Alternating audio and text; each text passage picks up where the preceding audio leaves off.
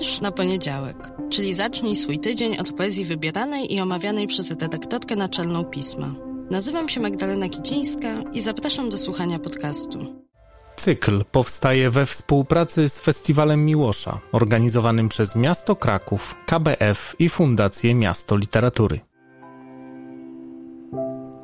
Dzień dobry, dobry wieczór, cześć. Coś bym tak z uwagi na bohatera tego odcinka podcastu Wietrz na poniedziałek powinnam coś po góralsku, ale ja nie bardzo umiem po góralsku, więc nie będę się tutaj y, ośmieszać próbami zakopiańskiego akcentu. Dwa tygodnie temu mówiłam w tym podcaście o poezji nagrodzonego tegorocznym Silesiusem za całokształt Eugeniusza Tkaczyszyna-Dyckiego, a dzisiaj w ramach mini cyklu Mistrzowie Polskiej Poezji Współczesnej. Poeta, który, znaczy pewnie bym sobie wyobraziła bardziej odległego, jeżeli tak o 180 stopni miałabym odwrócić teleskop i szukać, niż Wojciech Bonowicz do Tkachyszyna-Dyckiego, ale nie byłaby to znowu taka duża konkurencja. Wydaje mi się, że to zestawienie prawie odpowiada takiemu parowaniu. Poeci bardzo od siebie odmienni. Bonowicz jest poetą, pisarzem, autorem m.in. biografii księdza Tischnera, stąd i nie tylko stąd to silenie się na jakąś góralszczyznę na początku. Jest publicystą związanym na stałe z Tygodnikiem Powszechnym i ze Znakiem. Opublikował kilka książek poetyckich, a bezpośrednią przyczyną, powodem, inspiracją do poświęcenia mu tego odcinka jest najnowszy tom, Pierwsze wybrane, który ukazał się właśnie nakładem A5 i który wydaje mi się być bardzo dobrym zestawieniem, przeglądem i jego tematów poetyckich i takim miejscem, gdzie można prześledzić, jak się zmieniały jego sposoby opowiadania, podejmowania tych poetyckich tematów i wątków. Ja nie jestem bardzo wielką fanką takich zebrań wierszy, wietrze zebranych, takich antologii. Jeżeli te wietrze zebrane miałyby być taką pigułką, przez którą ktoś zaczyna swoją przygodę z wietrzem danego poety czy poetki, ja to bardziej lubię obserwować właśnie wyciągając po kolei wydane tomiki, bo oczywiście A5 jest marką samą w sobie i nie mam zastrzeżeń, nie, nie boję się tego, kto i jak te wietrze ułożył i zebrał, natomiast wydaje mi się, że takie sięganie po tomy wydawane kolejno i czytanie ich od początku do końca, nawet jeżeli nie wszystkie wietrze do nas trafiają, daje szansę na stworzenie sobie w głowie własnego klucza do twórczości danego poety czy poetki, niż antologia, którą ktoś wymyślił za nas. Ja lubię to zadanie zostawiać sobie. Na łamach pisma Bonowicz gościł ze swoją poezją trzykrotnie, co chyba sprawia, że mogę go nazwać rekordzistą. Nie wiem, nie prowadziłam takich statystyk, ale wydaje mi się, że nie było poeta ani poetki, którego byśmy częściej publikowali, a myślę, że to nie jest nasze, moje i autora ostatnie słowo. Po raz pierwszy w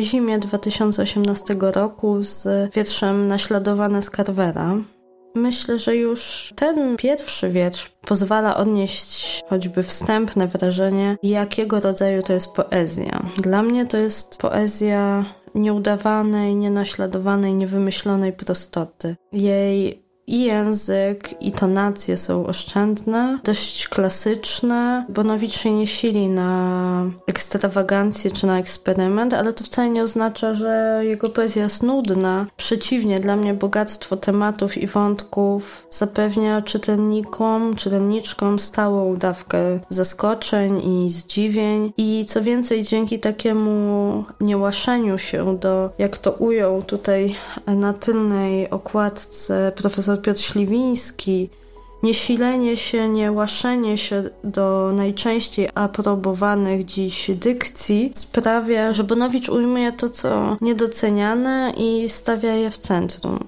Dla mnie takie uszlachetnianie wierszem codzienności, zwyczajności, tego co bliskie, jest tym, co mnie do poety czy poetki najszybciej i najbardziej przekonuje. W zeszłym tygodniu mówiłam o niełatwym wstępie do znajomości poezji tegorocznej noblistki Louise Glick, że ta jej poezja dla mnie w tym pierwszym zderzeniu, w pierwszym wejrzeniu może nawet, była zbyt intelektualnie skomplikowana, tak jeśli chodzi o tematy, jak i o formę. A u Bonowicza jest odwrotnie, jest inaczej, jest znowu może właśnie o 180 stopni. Odmiennie dla mnie prostota, taka asceza wręcz czasami, jeżeli chodzi o sposób opowiedzenia w historii, czy o sposób pokazania spojrzenia perspektywę spoglądania na różne fragmenty, wycinki rzeczywistości, która nie ma wielu pięter, nie wije się, nie kluczy, nie stawia nas w sytuacji, w której gdzieś w labiryncie znaczeń musimy kluczyć i w tym kluczeniu gdzieś może czasami się nawet zagubić. Mnie poezja Bonowicza jest bliższa i może to też jest powód, dla którego trzykrotnie już decydowałam się na jej publikację. Wydaje mi się, że to bardzo dobrze widać w drugim wierszu opublikowanym w piśmie, też jeszcze w 2018 roku, Dziennik jednego dnia, w, jeśli dobrze pamiętam, interpretacji Wojtka Kalarusa. Wojciech Bonowicz. Dziennik jednego dnia. Zostawiłem w sekretariacie teczkę z niebieskimi rękopisami. Późno w nocy przypomniałem sobie jeden wiersz – lecz zaraz potem zasnąłem. Śnił mi się poeta zmarły przed kilkoma laty.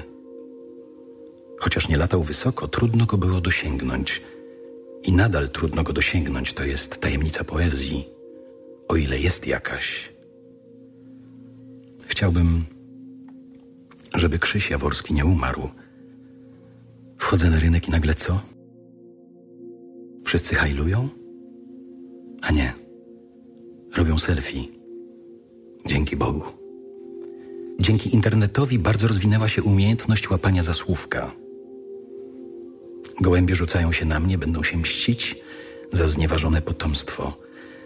Przeciskam się pomiędzy nimi. Przepraszam, przepraszam. Przekreślone słowa też zostają na papierze.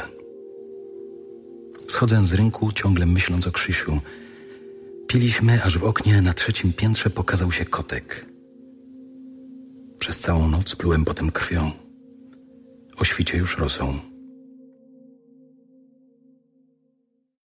Nie sposób też mówić o Bonowiczu, poecie, oddzielając go od Bonowicza, wrażliwego i uważnego obserwatora i aktora rzeczywistości, który się społecznie angażuje. Jeśli pamiętają Państwo taki reportaż, który ukazał się w piśmie Jagoda szuka domu, reportaż, który Łukasz Pilip napisał o małej dziewczynce, która znajdowała się w pieczy zastępczej i o której szukanie domu walczono na różne sposoby, ale pierwszym sposobem, pierwszą też taką sytuacją, w której ja natrafiłam na historię małej Jagódki, pierwszy sposób to było danie ogłoszenia Otóż to ogłoszenie o tym, że jest taka mała dziewczynka z zespołem Downa, która nie ma domu i trzeba jej ten dom szybko znaleźć, opublikował właśnie u siebie na Facebooku Wojtek Bonowicz i dla mnie to było jakoś bardzo poruszające, wstrząsające wręcz, że poprzez ogłoszenie na, na, na portalu szuka się domu dla jednej dziewczynki,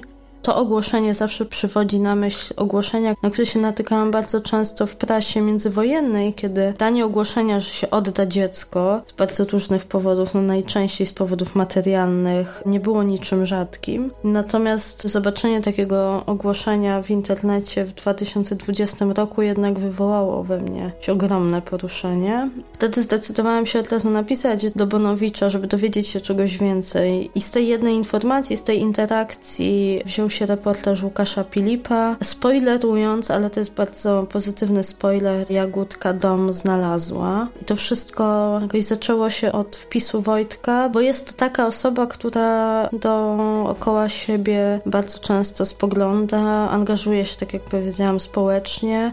Od bardzo wielu lat jest on zaangażowany w działania na rzecz i z osobami z niepełnosprawnością intelektualną. Ja go znam właśnie jako człowieka orkiestrę od spraw ludzkich, spraw trudnych. Czasami ta orkiestra gra poprzez twórczość poetycką, opisując rzeczywistość, czasami w tekstach w Tygodniku Powszechnym, w Znaku, czasami w działaniu po prostu. I tego rodzaju poezja wynikająca z zaangażowania, która nie jest publicystyką, a nadal zachowując właśnie intymny, kameralny sposób obrazowania i opowiadania, jest taką poezją, która myślę też bardzo współgra z tym, co my w piśmie staramy się robić, właśnie też na różne sposoby tę swoją wrażliwość czy zainteresowanie rzeczywistością wykorzystując i przekazując w świat dalej.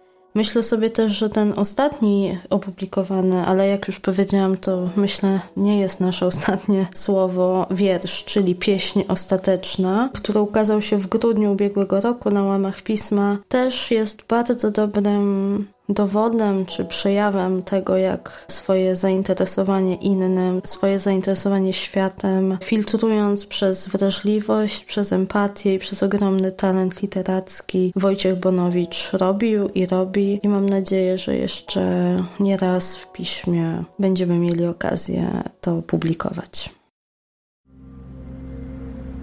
Wojciech Bonowicz. Pieśń ostateczna.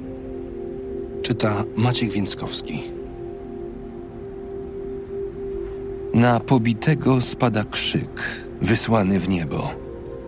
Spada pomruk na przeganianych z miejsca katastrofy na miejsce niewdzięczności. Człowiek protestuje. Jego żołądek wypełniają pięści. Ogień z wnętrza przenosi się na place i gaśnie. Krzyk pobitego to wyschła rzeka, z której nikt nie pije. Idziesz korytem tego krzyku, lecz tylko przez chwilę naprawdę tam jesteś. Podniosłeś rękę, a potem sam ją sobie odciąłeś.